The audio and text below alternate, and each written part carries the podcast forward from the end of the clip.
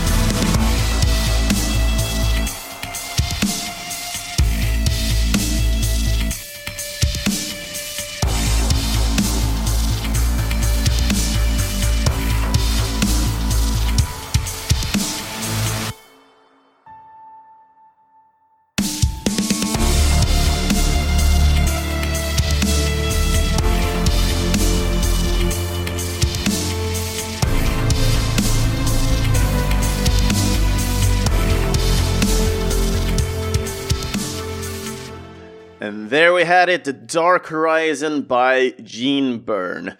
And I just love this track. First of all, it really sets the mood for what you're in for when it comes to the game Escape from Tarkov. Um, it's just really nice to listen to, and where you're able to listen to this one is actually the first time when you enter the main menu. When you're starting up this game, this is what presents to you at the menu. And you can listen to this as you're going through your inventory, going through your hideout. This, you don't really do much in the menu in the beginning, but over time in this game, you start utilizing more and more of what you have within the menu. So this is a track that I'm very much are aware of, and I just enjoy the hell out of it. So when it comes to Escape from Tarkov, Escape from Tarkov was most likely the most played game I had during last year. And yeah, I was obsessed with it all until we got the the wipe so called because they're they're basically resetting the servers like every 6 months and depending on when they're doing bigger updates in the in, in the game. So for Escape from Tarkov I started around uh, August started playing. I had the game for two, three months before that, but I really did not like this game in the beginning. And I had some some friends uh, showing me around the ropes, and from from that point, the game really, really did speak to me, and it, I really got hooked into the experience.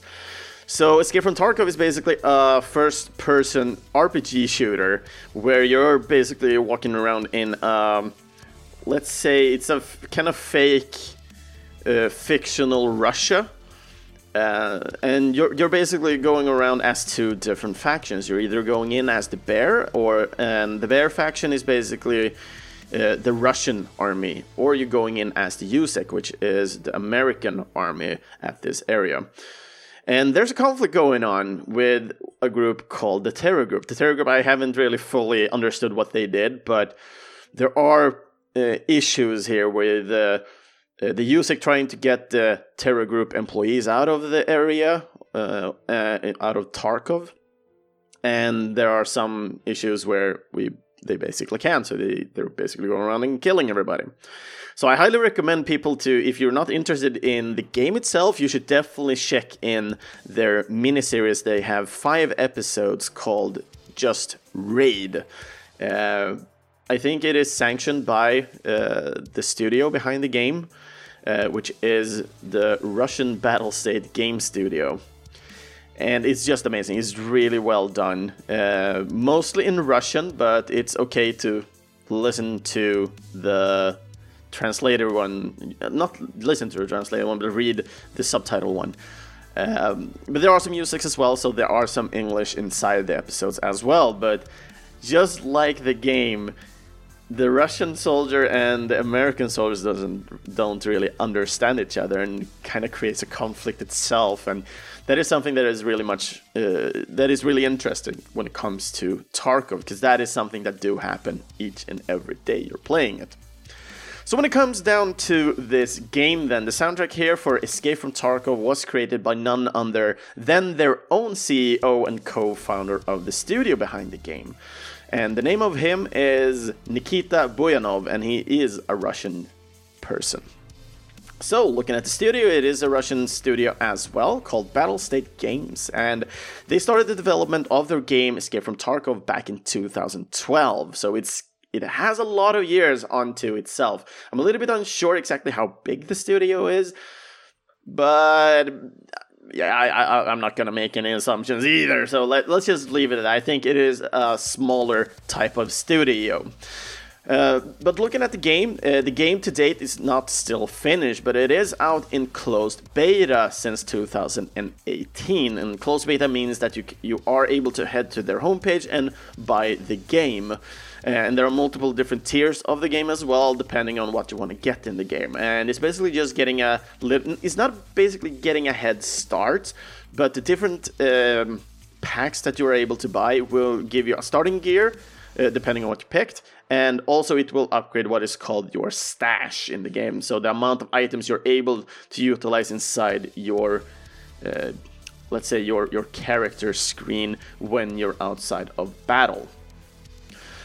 And the game is also only available on PC. I have no idea if they're interested in making this for consoles later, because I do think and believe this will be an on live product so people will they will be working on development and keeping it up to par all the time which could make it problematic when having it on console and if we're looking at Nikita, it seems he's a man with many strings on his guitar. Uh, he has the title of Chief Operating Officer, meaning that he is the game director of Tarkov. Uh, he has worked a lot of uh, things, but his main discipline is to work with 3D. Uh, but looking even further in, we can also see that he does have a red diploma in piano as he graduated from the Vilnius uh, musical school back in 2001. So when he's basically making music, he uses his online nickname Jinburn. And looking at this music, we can see that it dates uh, back till 2010. So he has been working for a long time, and just looking at, back at his earlier works, it kind of sounds a whole lot uh, like the music we'll listen to today. So I'm just super excited, and when it comes to Tarkov, it is still one of my favorite games. I'm not playing it as much right now because I have so much else going on in my life. But hopefully, with time, we can get some more structure onto this one. And talking about structure, it's time to go on to the next song. I feel like I'm talking way more than maybe I should, but maybe this could be something that leads into the new concept that we're going to have. Because I usually don't talk about the, the games that much when I'm talking about the music, because I'm more focused on the composers, more focused on uh, the game itself, but I don't talk about much on my experience with the, the music itself sometimes. Is feels like I'm missing out sometimes. but I will do better. I will have it way more structured when we make the new brand for the podcast. So next up is Death's Door and the song Avarice.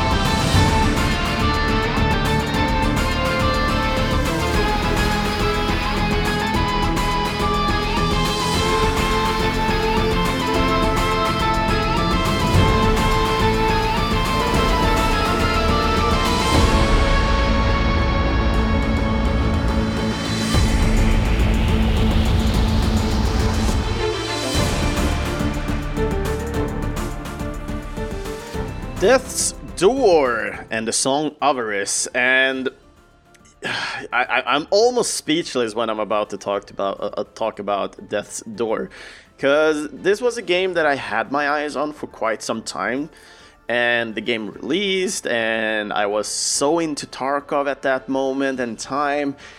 And during December, when they had their wipe, I felt a little bit like lost inside almost, and I just felt that during Christmas I was going away, and all of a sudden I was not going away. I just wanted something special. And looking at my my whole games, all the games that I do own, I was I was not super excited by none of them. Because I've been playing Tarkov for so long, I kind of lost the spark for some to, to play anything else. It felt like. But then I remember myself. I there was this little crow that I remember from from one of the trailers, and I was like, "Holy crap! I should definitely get Death's Door." I've been so excited about this game for such a long time, and I I just totally missed uh, just missed the release and everything. So for Christmas, I actually bought this game for myself, and this this was going to be my my Christmas game.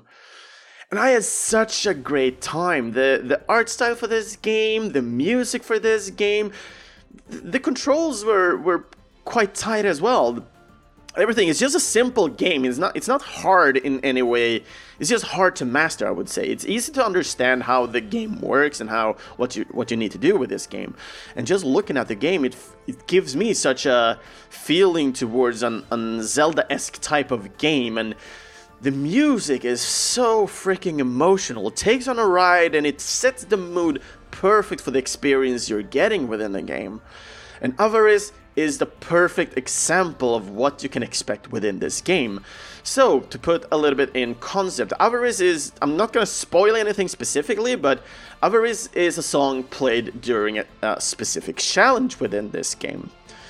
And when you're playing this this type of challenge, um, you're actually also utilizing the length of the track to be something specific for the experience.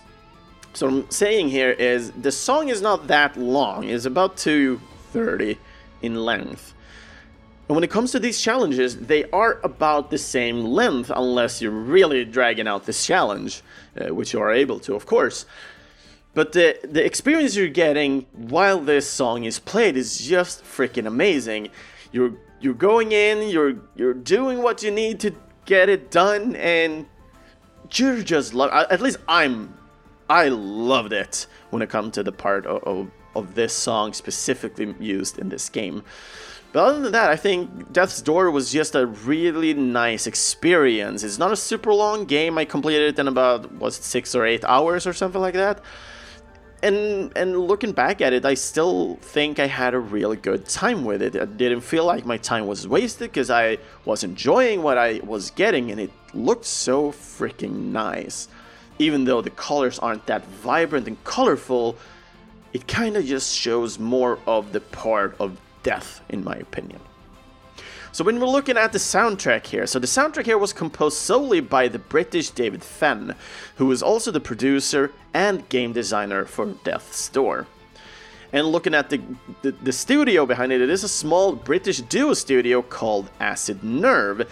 So it's only David Fenn and Mark Foster who worked on the game, but looking at their their credits for the game, but also looking at their homepage, they are stating that making independent games with artists from around the world. So they're basically paying people to work as a third party on the games they are making. So looking at David here, he is the producer and game designer, but also the composer.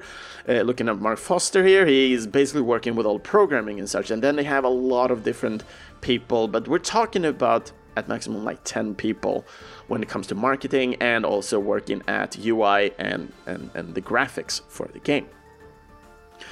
So looking at the release date here for Death's Door, it was uh, released in July the 20th in 2021 and it was released then for PC and Xbox One. The game was also later ported uh, and had its release on PlayStation and Nintendo Switch, and this happened during November.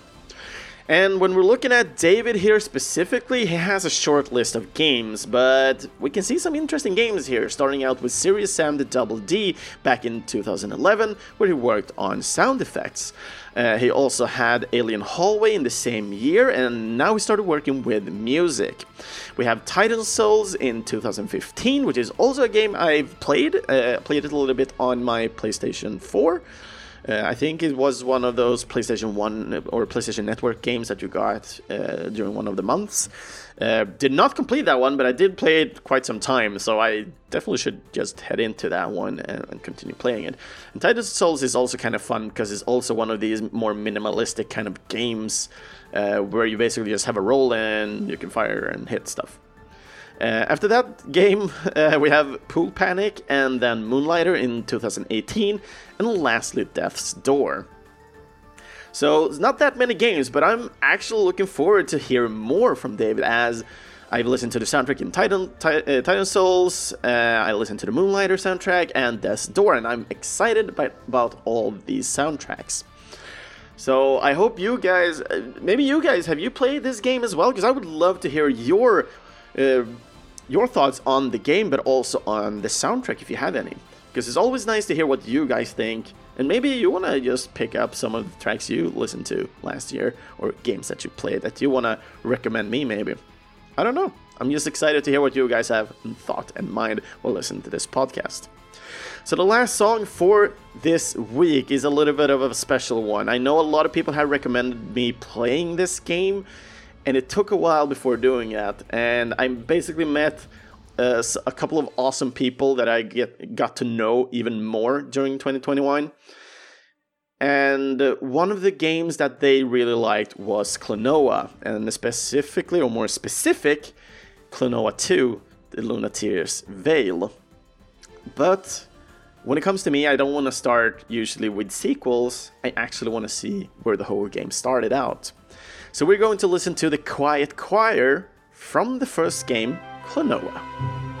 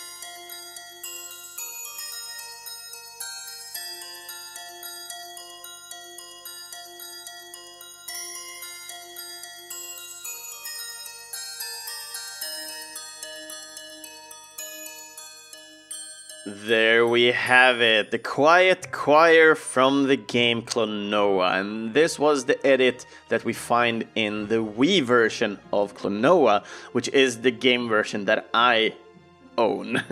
and basically, just to I, will go through this later as well, most likely, but this was from the 10 year anniversary where they basically made a remake of the first game, which is called Klonoa Door to Phantomile. And in the game just named Klonoa, which then released on Wii, uh, is the one that I personally own and is the one because looking at Klonoa, even though there's only like two games in the main story, there are a couple of other spin-off games uh, as well. I, I, I, do believe it's only two games in the in the main story. It's at, at least two games that reach to the west, at least, um, because there are a couple of other games that seems to be Klonoa-like, but they have very Japanese names, so I, I guess it's only there. But looking at Klonoa, ha- uh, there's a lot of people that recommended me playing Klonoa because it's a, such a beautiful game and it's good gameplay and so on. And me playing Klonoa by the end of the year, uh, both the first game and the second game, well, I kind of started it last year in like December, but finished it uh, this year. was my first game to complete this year. Um, I, I can only say that it, it is an interesting game. Um, and looking at a game with a sequel, I'm just utterly surprised that they never really did any big changes in the gameplay. Uh, so, looking at what you learn in Klonoa 1, you're basically doing just the same thing in the second game. They added a hoverboard, but the power ups and everything is basically just the same. Uh, so, so, looking at that kind of perspective of the game, it's really nice to get back to a game where you recognize so much and there's not much new to learn. You're basically just learning as you move along in a great succession and rate where you feel comfortable doing so. So I really enjoy the gameplay they're they're teaching you with the game of Klonoa, but I'm just super weirded out at the same time that they didn't really add that much uh, into a sequel. But looking for the first game, it was a pretty nice experience. I really enjoyed the uh, the soundtrack for for the for the game. Uh, most of the songs seem to have like the same kind of edge to it and, and the calmness about it as well. So looking at the experience, it's a little bit slow paced as well. But apparently, for the the remake they did or the the the upgrade they did.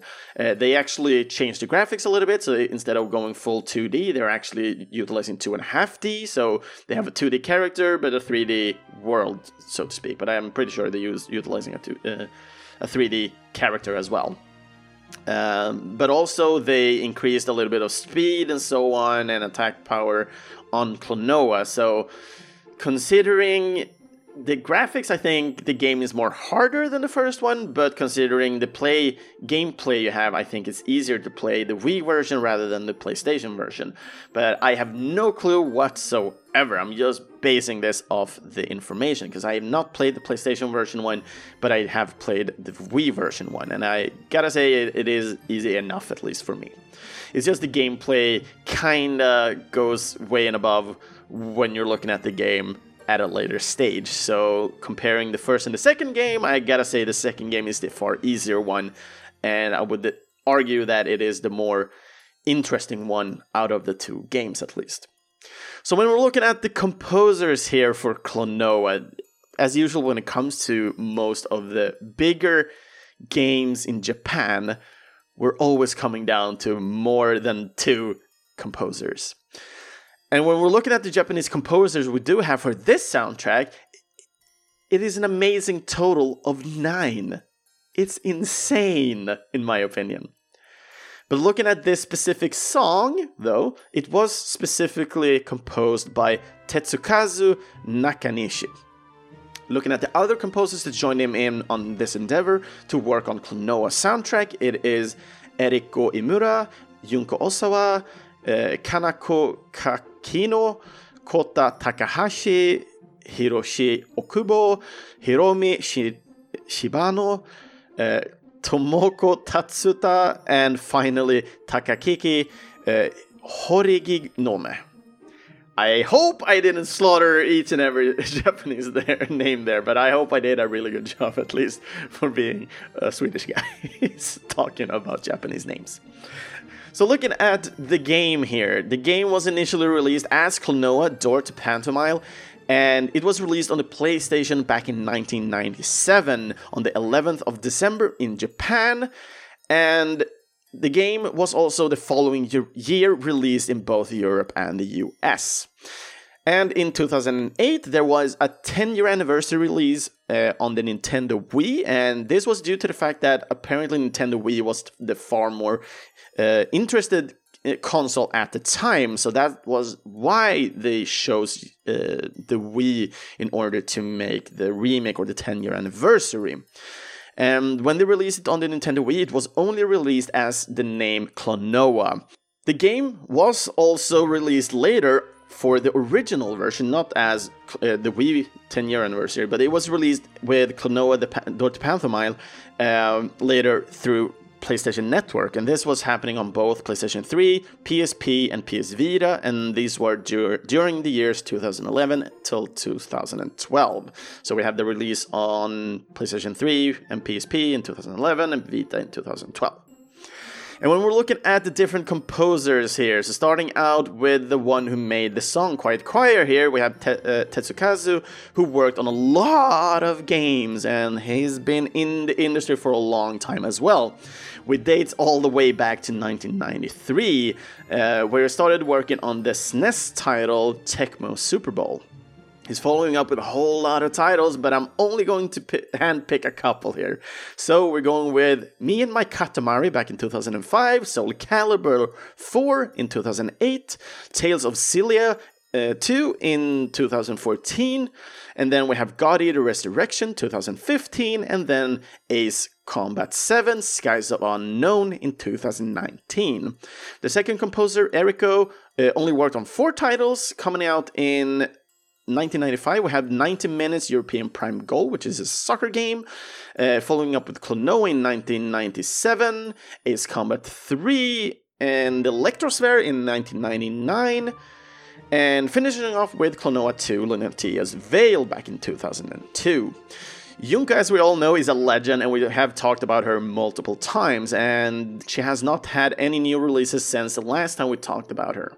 So there's nothing else to add really there. Uh, if you're following all all the podcast and if you're you're new to the podcast you will definitely just head back most likely and get to know Junko a little bit more when we're actually talking about her more in depth but also when we're catching up uh, catching up to all the new games that you worked on uh, Kanako, uh, the third composer here, or fourth composer in order here, is also a person with a couple of games on her list, with Klonoa being the first game she worked on. Funny enough, she is also one of the few uh, of all the composer who kept working on the Klonoa series, working on Klonoa 2, Lunatea's Veil in 2001, Klonoa Heroes, then Setsuno Star Medal, and Klonoa Beach Volleyball back in 2002. Uh, she also worked on a couple of the Ace Combat games, for example, the Ace Combat 5, The Unsung War in 2004, uh, Ace Combat Joint Assault in 2010, and there's a whole lot of more. So I highly recommend you to check her list out in case you are interested. But her last work that she worked on was for the game NieR Replicant, and then a whole lot of version numbers. Uh, that was released last year, which is a prequel to NieR Automata, if you do know that game. The fifth composer here, Kora, is much like Kanako, the, the third one that we talked about, but with much less games and only a handful of the selection that we picked is he started out as well with Klonoa, Door to Phantomile, uh, followed up with Ace Combat 2 in the same year, uh, took lead direct role for Ridge Racer 5 back in 2000 and worked on Tekken 5 in 2005, following with Tekken Dark Resurrection in 2006. And the last game he worked on was uh, Ace Combat Assault Horizon Legacy Plus that was released back in 2015. Next composer after that we had Hiroshi, um, who is a guy that started out early as well, dates back all the way to 1995, where we worked on the soundtrack for Ridge Racer Revolution. And many of the titles that followed were soundtracks for the games that are already named, so, looking at Hiroshi, he had worked with a lot of the names we talked about earlier here, uh, and at certain times. And the last game he worked on was for the Ace Combat 7 Skies Unknown in 2019. So, the same last game as uh, Tetsukazu, the, the, the, guy who made Quiet, uh, Quiet Choir. Next composer, we have Hiromi, who worked in the video game music for a little bit more than a 10 years, and her first work being for the soundtrack for Rolling Thunder 2 back in 1991. Uh, some of the handpicks that I'm going to do here is uh, Pac-Attack from 1993, Cyber Sled in 1995, Mr. Driller in 1999, and lastly Mr. Driller Drill Spirits uh, from 2004. Then we have Tomoko, who started out in 1997, her first name being Libero Grande, which is also a soccer type of game. Uh, did a voice for one of the characters in Mr. Driller in 1999, and the last game she worked on was Katamari Damacy Reroll from uh, 2018. Uh, if I remember correctly about uh, the reroll, it is a remake, HD remake of one of the earlier Katamari Damacy games a little bit unsure, but well, we do have the reroll kind of name, so it's kind of a, a, giveaway of some sort, I guess. I'm just highballing or curveballing here. Looking at the last composer we have for today is uh, Takaki, uh, who had a very short career within video games, and he only worked on four games, starting out with Pac-Attack, uh, as Hiromi did. Um, in 1993. Uh, we have Pac Man 2, The New Adventure in 1994, Klonoa, and lastly but not least, uh, he worked on We Love Katamari back in 2005. Whew! Holy crap, that's a lot of. Going through nine composers is just insane, and it takes a whole lot of time just to go through and, and research these, these guys and girls. But it's amazing, and it's part of the podcast as well to get to know these guys who are behind the music. But yeah, uh, that is that is that is it for for the episode itself. I don't have much else to add to Klonoa.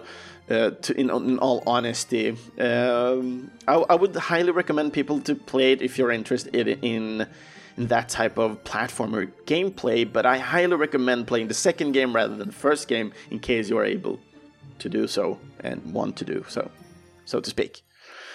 But other than that, I think it's time to just close down this extra little filler episode that we have. And I will continue to do uh, these filler episodes, but I will do this every each every week, not every week, but every second week.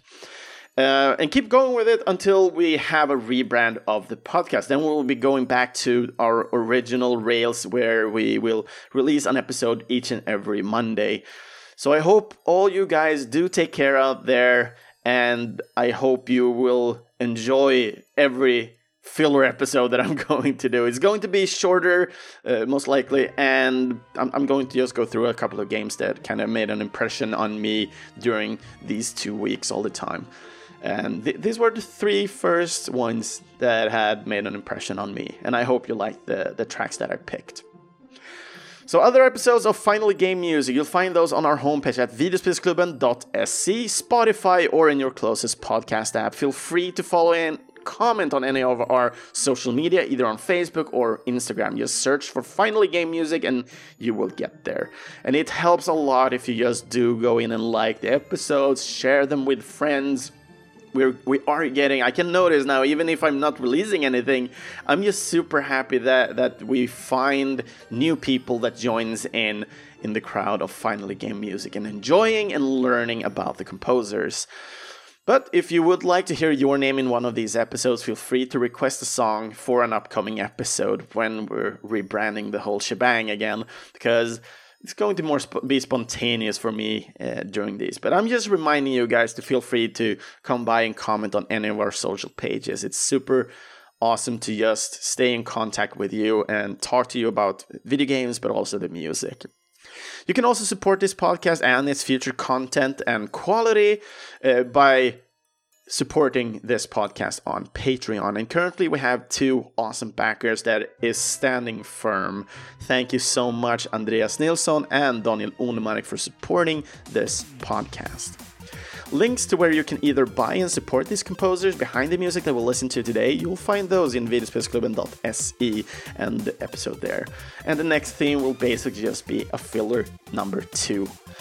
And with that said, do take care, everybody, and see you all guys next time.